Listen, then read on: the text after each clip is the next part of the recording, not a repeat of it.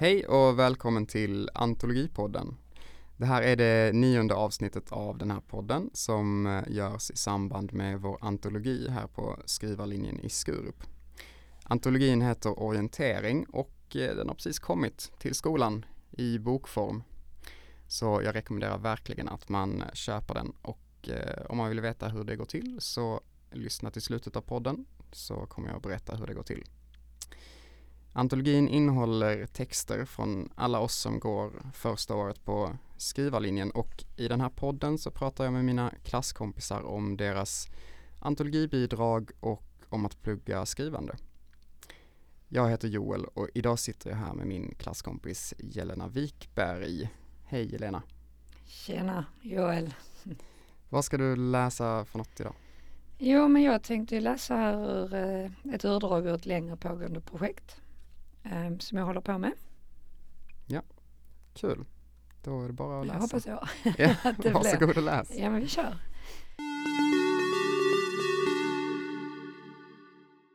Lukten, lukten. Hon älskade lukten av Jugoslavien. Det luktade så annorlunda här. Smutsigare, rökigare, dammigare, sopor i värmen, men också renare hjärtan, bekymmersfria. Det luktade gräs, boskap, dans, sång, glada människor och frihet. Det luktade sommarlov. Det där med en generellt större frihet här funderade hon på. Kanske var det för att hon själv kände sig friare just här. Kanske var det så att hennes mamma kände sig friare här och på så sätt gav det Johanna en lättare vardag. Mamman var alltid mycket gladare i Jugoslavien. Där fanns hennes mor och bröder och allt hon någonsin kallat hem. Johanna fick sällan bestraffningar här, tvärtom. Här kunde hon vara ute till sent på kvällarna och gå runt i staden som hon ville. Utan förmaningar, utan tider. Och så räckte fickpengarna i oändlighet. Det var här hon blivit full första gången och det var här hon hånglat första gången. Det var också här hon senare skulle testa på cannabis för första gången. Det var nog det som gjorde att det luktade frihet. Och det var bara början. Hon hade sex veckor framför sig och hon skulle fylla lungorna till bristningsgränsen med frihet. Låta lungorna föra vidare friheten ut i varje cell, i hela hennes väsen och samla, lagra och jäsa den så att det fanns att ta av under de kommande tre årstiderna. Så att hon orkade till nästa sommarlov. Efter nästan två dygn i en bil med taskig aircondition hade det äntligen kommit fram. Det var bara hon och mamma som reste detta året. Brorsan som var myndig kunde välja att stanna hemma själv. Varför man ville stanna hemma när man kunde åka hit kunde Johanna inte begripa. Men det var väl viktigare att hänga med polarna än att träffa släkten. Detta stressade mamman, det visste hon. Därför hade också stämningen i bilen varit besvärad det första dygnet. Mamman oroade sig för att han skulle hamna i problem. Och hon visste att om han gjorde det så låg inte dessa problem inom lagens ramar. En stund efter att de kört av färjan i Tyskland hade Johanna försiktigt påpekat för henne att han var vuxen nu.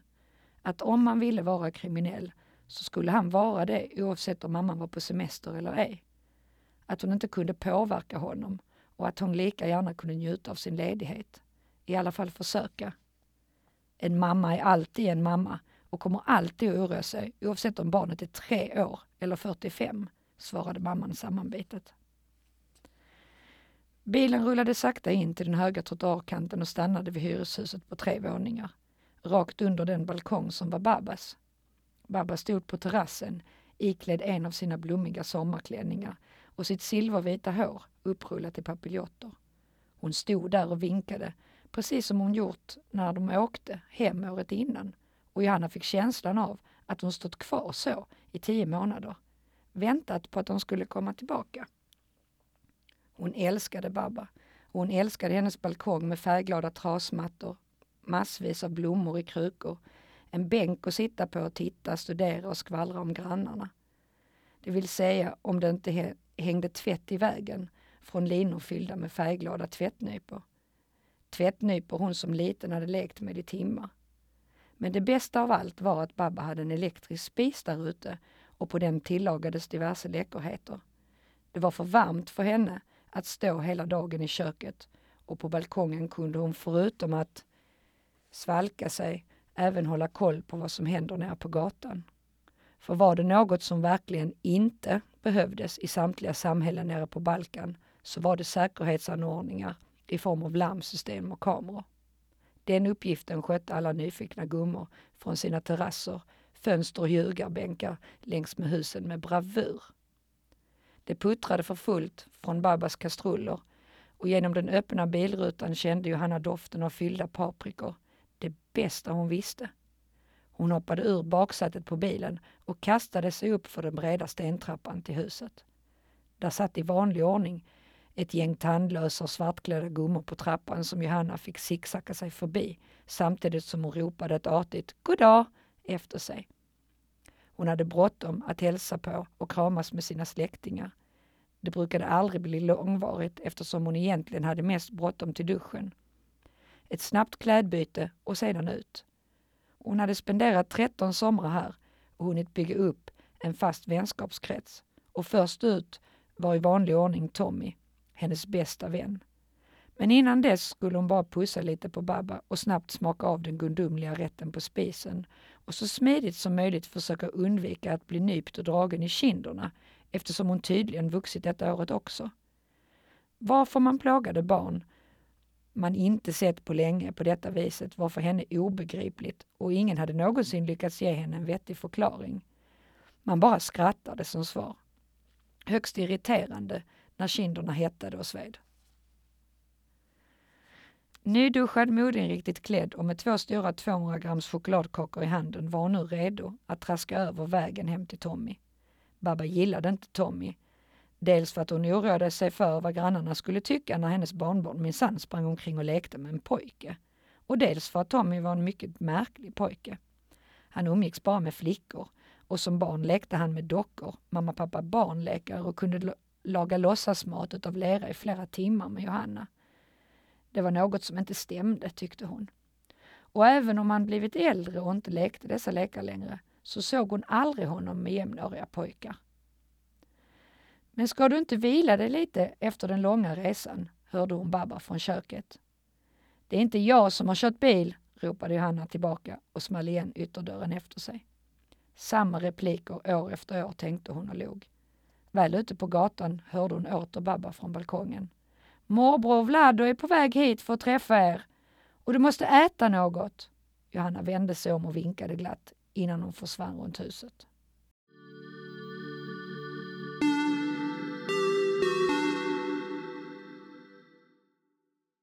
Tack så jättemycket för läsningen. Varsågod. Hur eh, kändes det att läsa det högt det här? Um, jo, um, nej men det kändes bra. Uh, det kändes lite magiskt eftersom jag faktiskt just nu håller boken för första gången i min hand och fick se den. Den kom ja. ju från tryckeriet igår. Så det är, det är mäktigt att få se sin text uh, på riktiga boksidor och inte i en dator. Är det första gången för dig? Ja men det är det. Det är det. Och det är ju liksom eh, Det är ju det jag tror vi alla drömmer om när vi går en skrivarlinje att få se sin text i tryck. Um, även om det nu är en antologi. Nej men det är en eh, jäkligt kul känsla faktiskt. Du sa innan att du inte har läst den högt förut, eller? Eh, den här texten. Nej, inte just denna. Eh, ibland testar jag i och med att eh, det här projektet börjar med två ungdomar eh, så brukar jag testa eh, och läsa vissa grejer för min son som faktiskt är tonåring och är i, eh, eh, i den här åldern som de är. Jag vill liksom se om han skrattar där jag har tänkt att man ska skratta lite som att jag testläser för honom. Men inte just denna har jag inte läst högt. Hur, uh, hur kom den här historien till dig?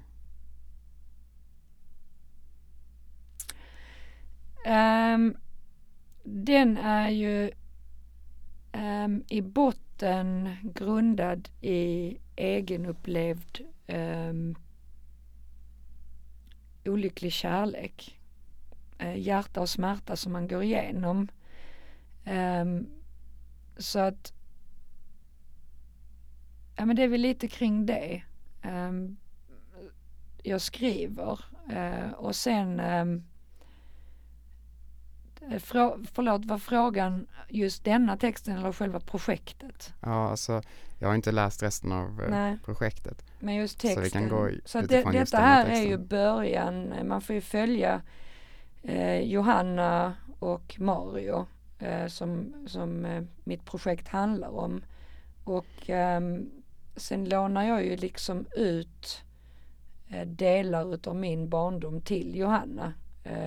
Och eh, Zajaca där just eh, ungdomsdelen i mitt projekt eh, utspelar sig. Det är ju ett väldigt, väldigt kärt ställe för mig för jag har ju själv spenderat mina somrar, varenda sommar där. Vartenda sommarlov. Från att skolan slutade till att eh, höstterminen satte igång. Um, så, så jag lånar liksom ut till henne och sen Mario lånar jag ut eh, någon annans historia som jag mött på vägen. Så det är väl lite så, det mesta är väl egenupplevt eller någon annan jag känner som upplevt saker. Det är så jag skriver liksom. Sen ibland kommer det ju in fantasi också. Mm, så det här eh, i början när vi får höra om Johannas eh, första upplevelse när hon, kommer till, när hon kommer tillbaka till den här platsen och känner de här dofterna och ser, ser eh, de här färgerna och, och känner värmen och så. Det är dina egna känslor som, som Det är du har egna skrivit ner. känslor. Så det är ju jag. Fast nu heter hon Johanna. Det är ju, det är ju egentligen jag som upplever allt detta. Och Mm. sen har Jo- Johanna fått, eh, hur ska jag säga, ja men du hänger med liksom. Hon, hon har fått låna lite av min Mm. barndom för att, jag vet egentligen inte för att, jag bara, det bara blev så. Mm. Jag Hon behövde hon är- väl fotografera mina känslor i text. Om, Mm. om man kan beskriva det så. Så hon är en, en del av dig men hon är inte hela dig. Nej, inte genom hela boken. Hon kommer säkert vara en del av många på vägen. Men just, just nu är hon en del av mig. Du nämnde ju innan eh, att du har en personlig relation till Ju- Jugoslavien. Som, nu är väl Jugoslavien uppdelat i fem ja. länder men Johanna älskar ju Jugoslavien som hon Mm. säger själv. Vad, vad är din personliga relation? Nej men det är ju just Baba, det är ju mormor. Eh, mamman här får hon ju låna utav mig också. Ehm, så att det, nej men det är ju mitt allt, det är ju mina lyckligaste, be, mest bekymmersfria barndomsminnen. Mm. För här hemma var det ju ganska tufft att växa upp ehm, med min mamma. Eh, och där nere var vi lyckliga alltid. Ehm, och jag bara älskade det. Jag, jag har samma känsla när jag återvänder efter alla år. Nu har jag blivit 45. Eller blir 45. Eh, och det är precis samma känsla, jag bara älskar det. Och jag har lyckats på något sätt överföra det till barnen också, speciellt min son. Han säger också det är den bästa platsen på jorden.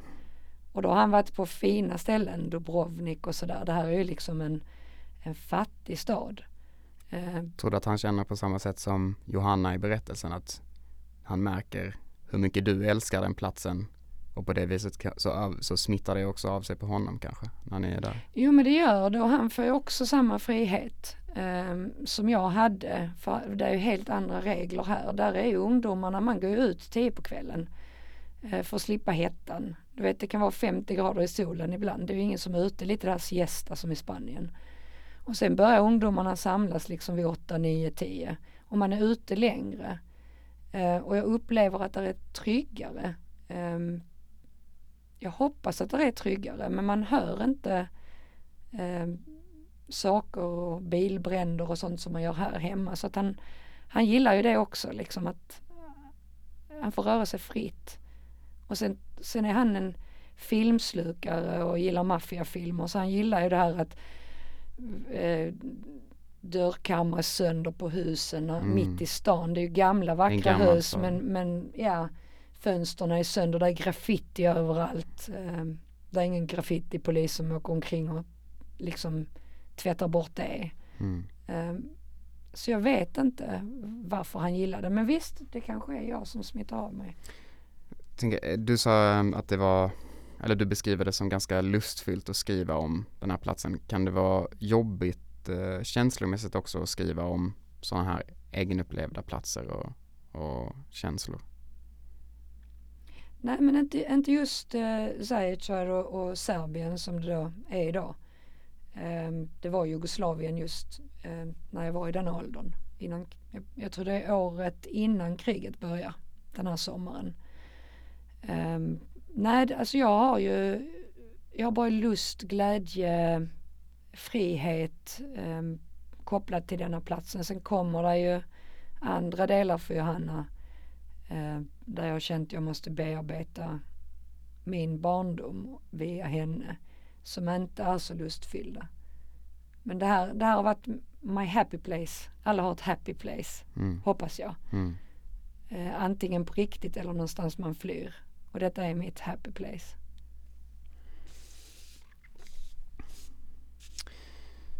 Du har ju redan kommit in på det lite grann men jag tolkar det som att eh, Johanna i texten hon flyr lite från livet eh, hemma i Sverige. Är det rätt tolkat och vad är det hon flyr ifrån i så fall? Um, jo men det är absolut rätt tolkat. Um, um, hon har en, um, en, um, en mamma som um, oftast är arg, som är väldigt stressad, som är ensam med två barn, eh, som försöker få ekonomin gå ihop. Hennes mamma har själv eh, blivit slagen väldigt mycket av sin pappa eh, som barn och har fört detta vidare som en del av, av uppfostran och det passar, eh, passar inte in i det svenska samhället eh, för att då är man inte som alla andra eftersom i Sverige är det förbjudet att aga barn. Det var det ju inte i, i Serbien varken under hennes mammas uppväxt eller eh, jag tror att de lagarna togs bort för tre år sedan i, i Serbien. Så illa är det alltså. Um, ja, så att, så att det, det, är tufft och sen då en, en, en bror som har hamnat på kant och gör inbrott och väpnade rån och åker ut och in från häkten och där Johanna får följa med. Eh, mamman varenda lördag för att hämta brorsan. Liksom är det inte Ystad så är det på något annat häkte. Och eh, därför blir ju den här platsen eh, en fristad för själen. Eh, och, och eh, någonstans där hon liksom kan eh, återhämta sig för att vara barn. Eh, utan rädslor, eh, förslag och glåpord och allt annat eh, som kommer från mamman och även, även, även storebror som måste utagera sitt på någon. Eh, och där Johanna sen utagerade sig i skolan för hon hade ju inget mindre syskon. Mm. Och hennes hamster ville hon inte utagera sig på för hon älskar djur. så, men det brukade hennes bror alltid säga. Jag bara mamma slår dig och du slår mig och vem, eh, ja du vet, vem ska Mm. jag slå? Ja men slå hamstern. Det låter som att det finns mycket på det här projektet eller? Jo det är jättemycket, det är jättemycket och det gäller att kapa också liksom vad ska man ha med och vad ska man inte ha med för att det är ju så. Det är ju det här med man skriver och skriver och skriver och sen får man ju sortera. Mm. Eftersom tanken är ju att föra dem till en vuxen ålder. Det är ju hur mycket som helst i den här åldern. Mm. Så du, det heter, eh, eller i antologin så står det utdrag ur ett längre pågående projekt. Mm. Hur, eh, hur långt har du skrivit? Alltså jag vet inte eftersom jag är en sån som hoppar. Jag har faktiskt varit inne lite och pillat på vuxen ålder också. När jag inte vet, um, um, när jag inte kommer vidare, man får lite skrivarkramp. Mm. Då låter jag det vila men jag vill ändå inte låta projektet vila. Så Mm. då hoppar jag in liksom i scener. Um, så det kommer ju bli, eh, jag är ju normalt en människa som går från A till Ö. Så det kommer bli lite pusslande, det kommer Mm. det bli. Och i mitt huvud är det ju bok nummer två liksom. Jag, där är så mycket så att vi får se. Mm. Om det blir en eller två eller tre eller bara en som vi är ju här för att lära så att eh, jag, vet, jag vet inte riktigt. Jag hoppas jag har svaren nästa år. Mm. Är, det, är det det här projektet du har jobbat på liksom under hela skrivarlinjens första år? Eller vi är inte riktigt färdiga än men. Eh, jag har skrivit en dikt för att det var så många som, eh, som eh, skriver dikter och så ville jag utmana mig själv. Och då sa den ena läraren, ja för att vara din första dikt är det ju inte så dåligt. Och då kände jag att nope, jag lägger ner det här. Men jag, jag försökte. Sen var det en klasskamrat som hade varit inne och läst och som kom och sa, men du kan ju skriva dikter. Mm. Så jag vet ju inte vem jag ska tro på. Om det var sådär eller om det var bra. Mm. Men det är inte min grej. Tro på dig själv kanske? Ja, fast jag vill hellre tro på mig själv på det jag känner att jag är Mm. bra på liksom. Men det är ändå unikt på något sätt tänker jag att ha just en text som har följt en från, från början till, till snart till slut av, av eh, skrivarlinjen liksom. Mm. Hur, eh, hur har det varit att, att alltid liksom applicera de här olika sakerna som vi har gått igenom på liksom en och samma projekt? Hmm. Alltså jag har inte haft någon längtan efter att utforska något annat eller skriva något annat för det är detta som upptar mig just nu och gjort eh, en längre tid. Det var också detta projekt jag sökte in. Eh, det har bara funnits det för mig. Jag, jag har lite svårt med att hålla på med må- ha många bollar i luften för då av erfarenhet blir ingenting färdigt. Um, så att jag, jag bara känner mig hemma här. Det här är det jag ska göra liksom. Det är mitt kall just nu. Uh, och, och som jag sa, jag försökte hoppa in där diktspåret men nej, jag ville tillbaka. Jag ville hem, liksom hem i mitt projekt. Det är här jag är hemma nu liksom. Men tror du att när det någon gång är färdigt, tror du att du då kommer att gå på något, något helt annat? Jo, alltså där, där, ehm, där finns ju saker. Liksom ehm, det här året eh, makalösa grejer som har hänt i mitt privatliv och människor jag har träffat med historier som man bara ser på film och man tänker liksom wow, kan, kan man ha det så här? Och, och då skapas det direkt, det här måste jag skriva om, det här blir nästa projekt. Um, så att ja, det, där, där kommer nog annat. Men jag ska som sagt bli färdig här först och som det är nu så har jag ju spårat ur. Um, tanken var ju bara att snudda vid tonåren lite grann. Men det händer hela tiden nya grejer och det och det och det och eh, jag märkt också under skrivarstugorna när mina privata vänner har fått läsa liksom att åh, vill veta vad som händer den här sommaren. Jaha, då måste jag kanske stanna här Mm. hela sommaren. Fast jag egentligen bara tänkte låta Johanna och Mario mötas här. Ett sånt där tillfälligt avgörande möten som vi alla har i livet för att sedan mötas i vuxen ålder. Mm. Du vet då när man säger Gud, världen är så liten. Så feedback och kritik har varit viktigt för det kan man säga. Jo men det har du utan att jag, jag har varit jätterädd för den. Jag har haft ångest inför den. Jag har tyckt det varit jobbigt att läraren säger att det är bra och någon annan säger att någonting inte är bra och sålla liksom. Eh, sen, sen har jag hittat styrkan i att jaha, men den här personen tyckte inte att det här var relevant.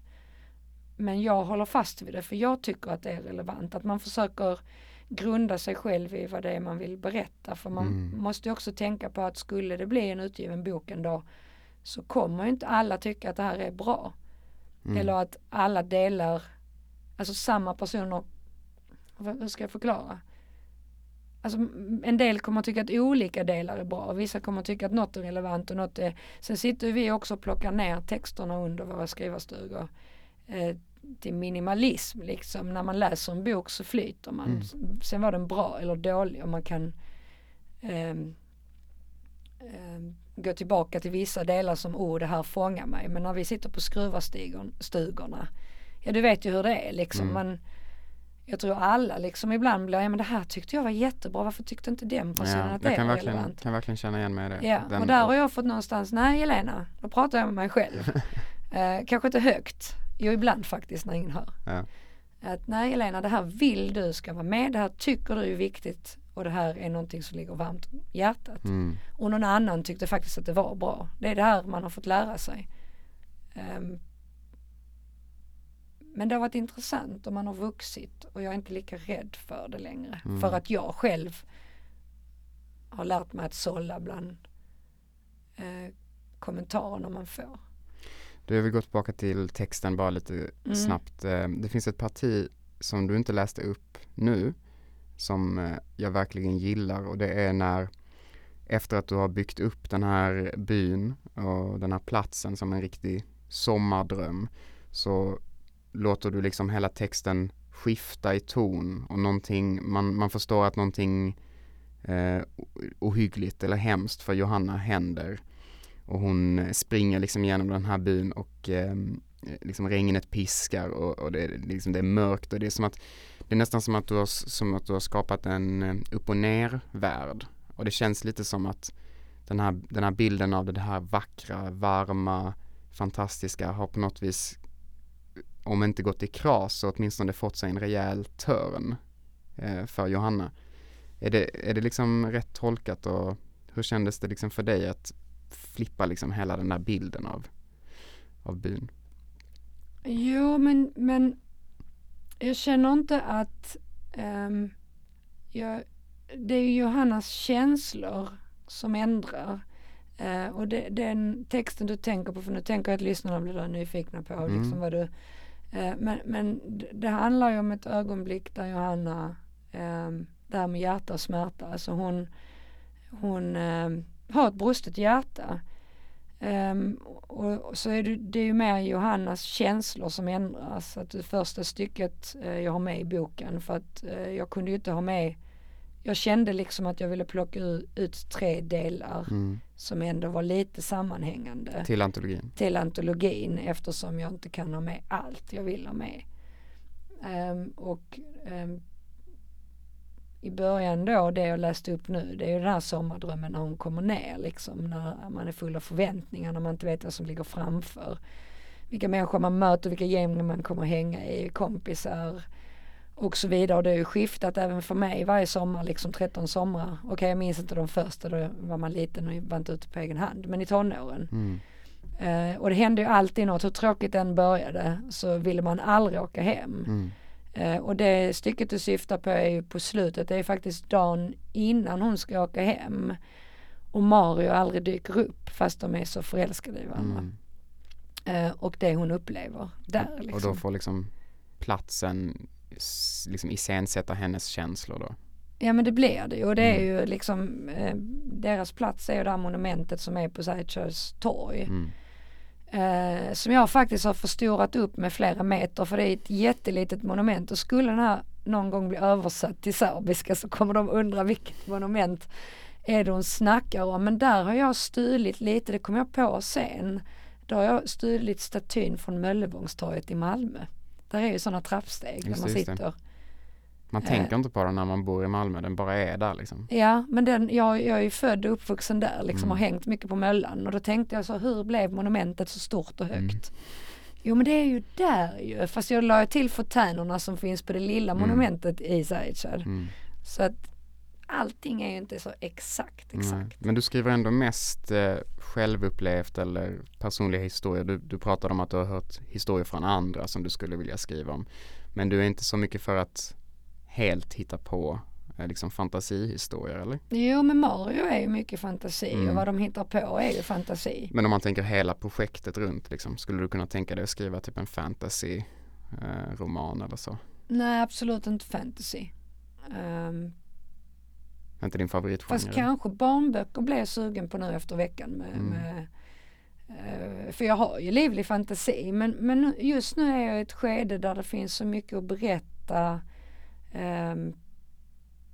så mycket svårigheter människor går igenom och jag är, jag är väldigt mycket för det här ljus i tunneln.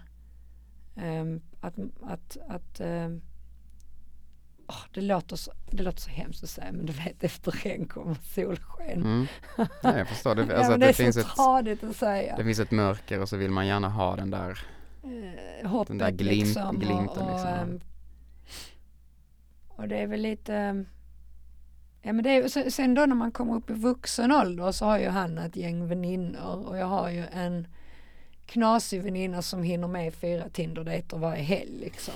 Och, och den, den väninnan namnges inte. Eh, och, och, ehm, så det är ju inte bara eh, mina självupplevda. Men du vet man snor liksom att mm. fan, det, det min polare sa förra veckan, hon är ju helt crazy, mm. galen. Och då blir det, och jag skrattar ju liksom när hon ber- berättar om sina bravader liksom. Mm. Och, eh, och det lånar ju ut det till en karaktär. Alltså jag, jag tror det är många som skriver så liksom att man, Absolut, de jag- flesta förmodligen. jag frågar alltid om det är okej. Mm. Och då får jag alltid samma svar, bara det inte är mitt namn. Mm. Att, Eh, jag tänkte fråga, du, du sa innan du, kommer, du fyller eh, 45. ja, det gör jag faktiskt. Vart tog tiden vägen? Ja. Eh, det betyder också att du är äldst på skrivarlinjen tror jag. Ja, denna gången. Men som, som klasskamrat till dig så märker man att du måste liksom jonglera eh, en hel del olika saker, Mm. fler än kanske de som är yngre på linjen för att liksom få tid till skrivandet. Mm.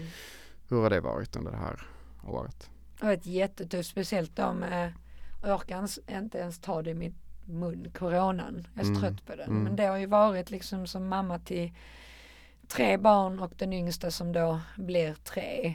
Ehm, så räcker det med lilla minsta snuva så jag har fått sitta hemma Mm. och, och, och, och då går det ju inte heller att vara med på zoom. För, för om ni är sjuka och har snuva så kan ju ni vara med Mm. på zoom när ni inte har barn. Men jag kan ju inte koncentrera mig. Hon hade aldrig tillåtit mig att sitta en hel dag framför datorn liksom. Och det hade ju stört er. Mm. Då får du vara, Ja, Förälder det, i så jag, liksom. jag känner ju liksom att jag inte haft samma chanser som er att lära allt. Jag har varit back och vi har ju inte kursmaterial på det sättet att det är en bok där jag kan ta igen och, och läsa. Liksom. Missar du ett kapitel matte i skolan så tar du igen det sen på helgen. Eh, utan här gäller det att vara med. Eh, så det var tufft och jag har väl känt lite jag har ju känt mig utanför, jag har ju inte fått en enda vän och det, det har jag inget behov av heller på det sättet. Jag, jag kan ibland känna att det är skönt när vi väl har varit i skolan när, när det är lunch och få sitta själv. Eftersom det aldrig är tyst hemma. Um, och man har barnen och sen jobbar jag 100% och, och så ska man plugga 100%. Och man är mamma och jag har ett hus själv med trädgård och som ska skötas och de här bitarna men så det har inte varit lätt men jag är ändå någonstans stolt över mig själv Mm. att jag ändå vågade trots allt jag har runt omkring mig. mm. Men, Men men visst, jag kan vara avundsjuk liksom på er som verkligen Ja, man, man läser då på vår Facebook-sida, någon som vill träffas på det där kaféet Mm. Sitta och skriva och man bara känner, åh gud, jag vill också. Men, Ja. men det är helt omöjligt. Det är jättetråkigt. När du säger så att du inte har fått en enda vän, då menar du att du inte har liksom fått någon nära kontakt som du liksom hänger med och så Ja, på men man fritiden? ser liksom att när, även när vi har suttit på Zoom så sitter man hemma hos varandra Mm. och man dricker kaffe och lite så. Och det, det har ju egentligen inte, tror jag, med åldern att göra. Det har ju att jag inte haft E- eller är jag bara sjukt otrevlig, jag vet inte. Nej men jag, eh, det, det, vi är i olika stadier i livet helt enkelt. Och jag, ehm, jag kan ju inte bara åka iväg och så. Det har ju inte varit så att ingen har bjudit in mig till saker. För det har man absolut gjort i början men nu har man väl mer känt att hon kan aldrig ändå. Jag kan känna igen mig i det. Nu är jag, fyller jag ju snart eh, 30 eller fyller ju snart 29 i alla fall. Men eh, jag tror också att det har att göra lite med vilken plats man är i livet liksom. Hur mycket man väljer att hänga och vad man prioriterar och sådär. Ja. Men Jag tycker, jag, jag, jag tycker liksom inte åldern i sig just när det kommer till skrivandet spelar någon roll för jag tycker att Alltså jag är så fascinerad över hur intelligenta och kunniga ni är. Um, och jag kommer ju liksom från gymnasiet, jag har ju inte pluggat en dag. Förutom kom, pluggat upp komvuxbetygen. Eller pluggat på komvux på att plugga upp betygen. Ehm, så jag, jag, jag kan ha jättegivande samtal trots att jag kan vara mamma till flera, alltså det, det är hemskt men jag kan vara mamma till flera av mina klasskamrater. Mm.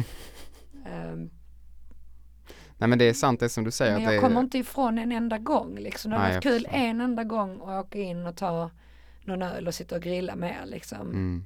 Eh, Men, men det, det är omöjligt. Eh, Nu har vi ju tänkt kanske nästa, vi pratade om det för nästa skrivarstuga. Då får jag faktiskt åka in till Malmö och hämta mina klasskamrater så sitter vi hemma hos mig. Mm. För jag vill liksom umgås. Så vi får se hur det blir liksom Mm. om ingen är sjuk. Det låter jättehärligt. Ja, vi får se. Men har det varit ett stort steg för dig att, att söka till eh, skrivarlinjen?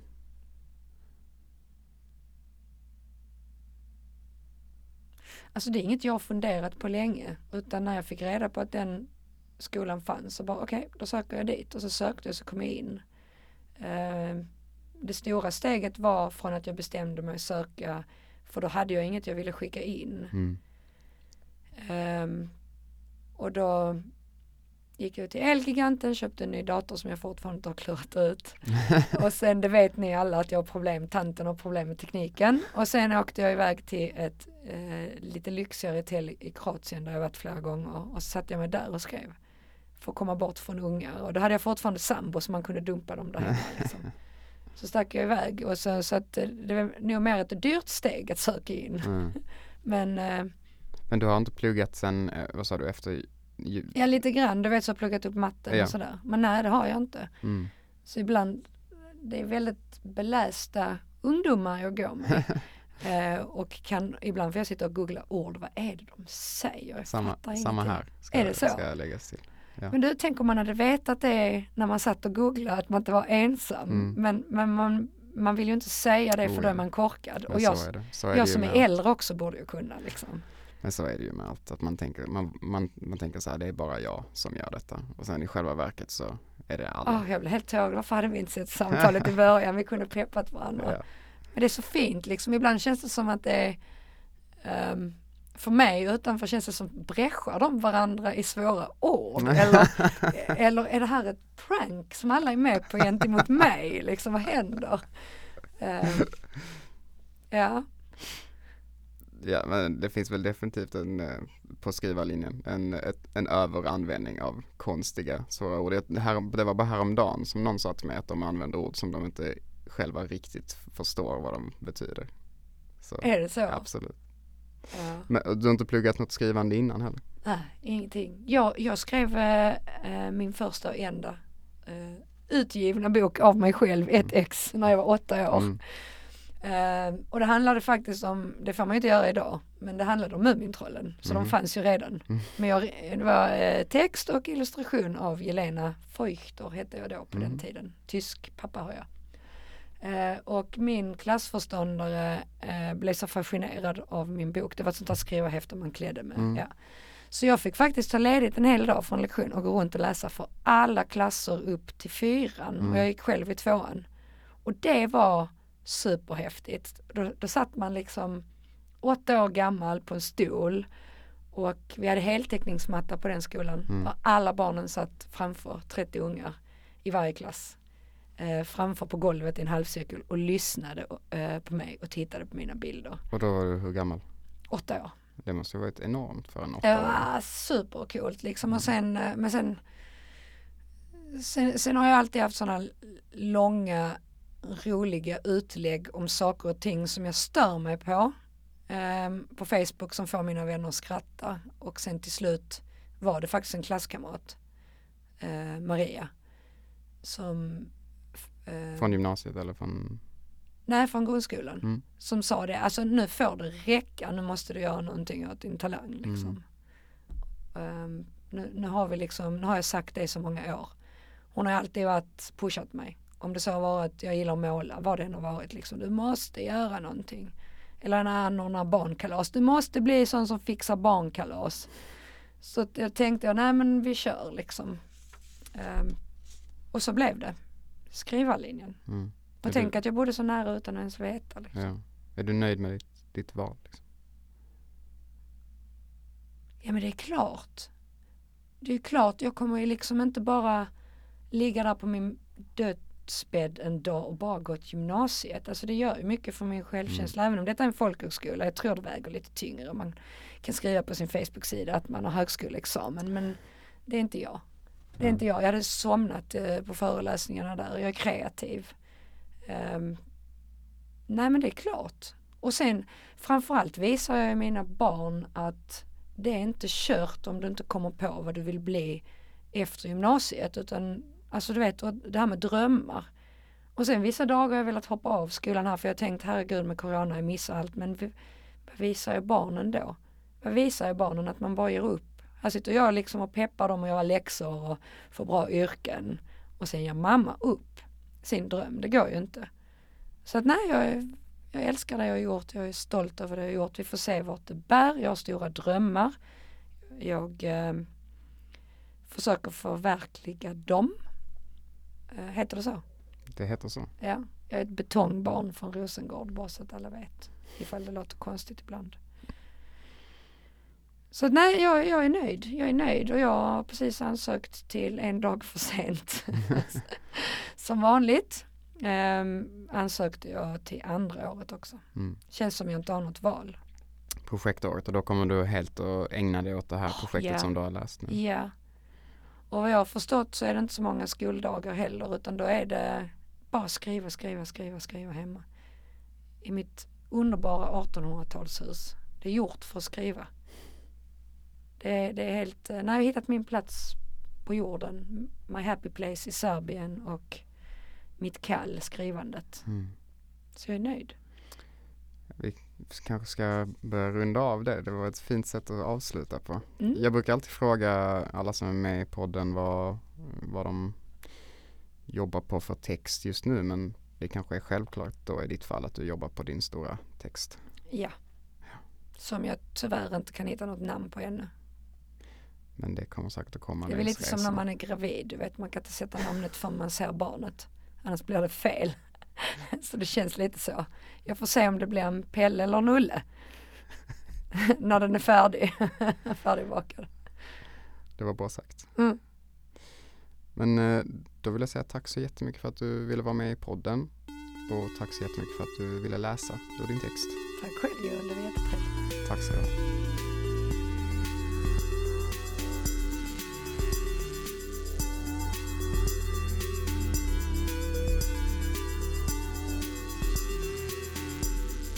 Du har hört Antologipodden som produceras, klipps och leds av mig, Joel Larsson.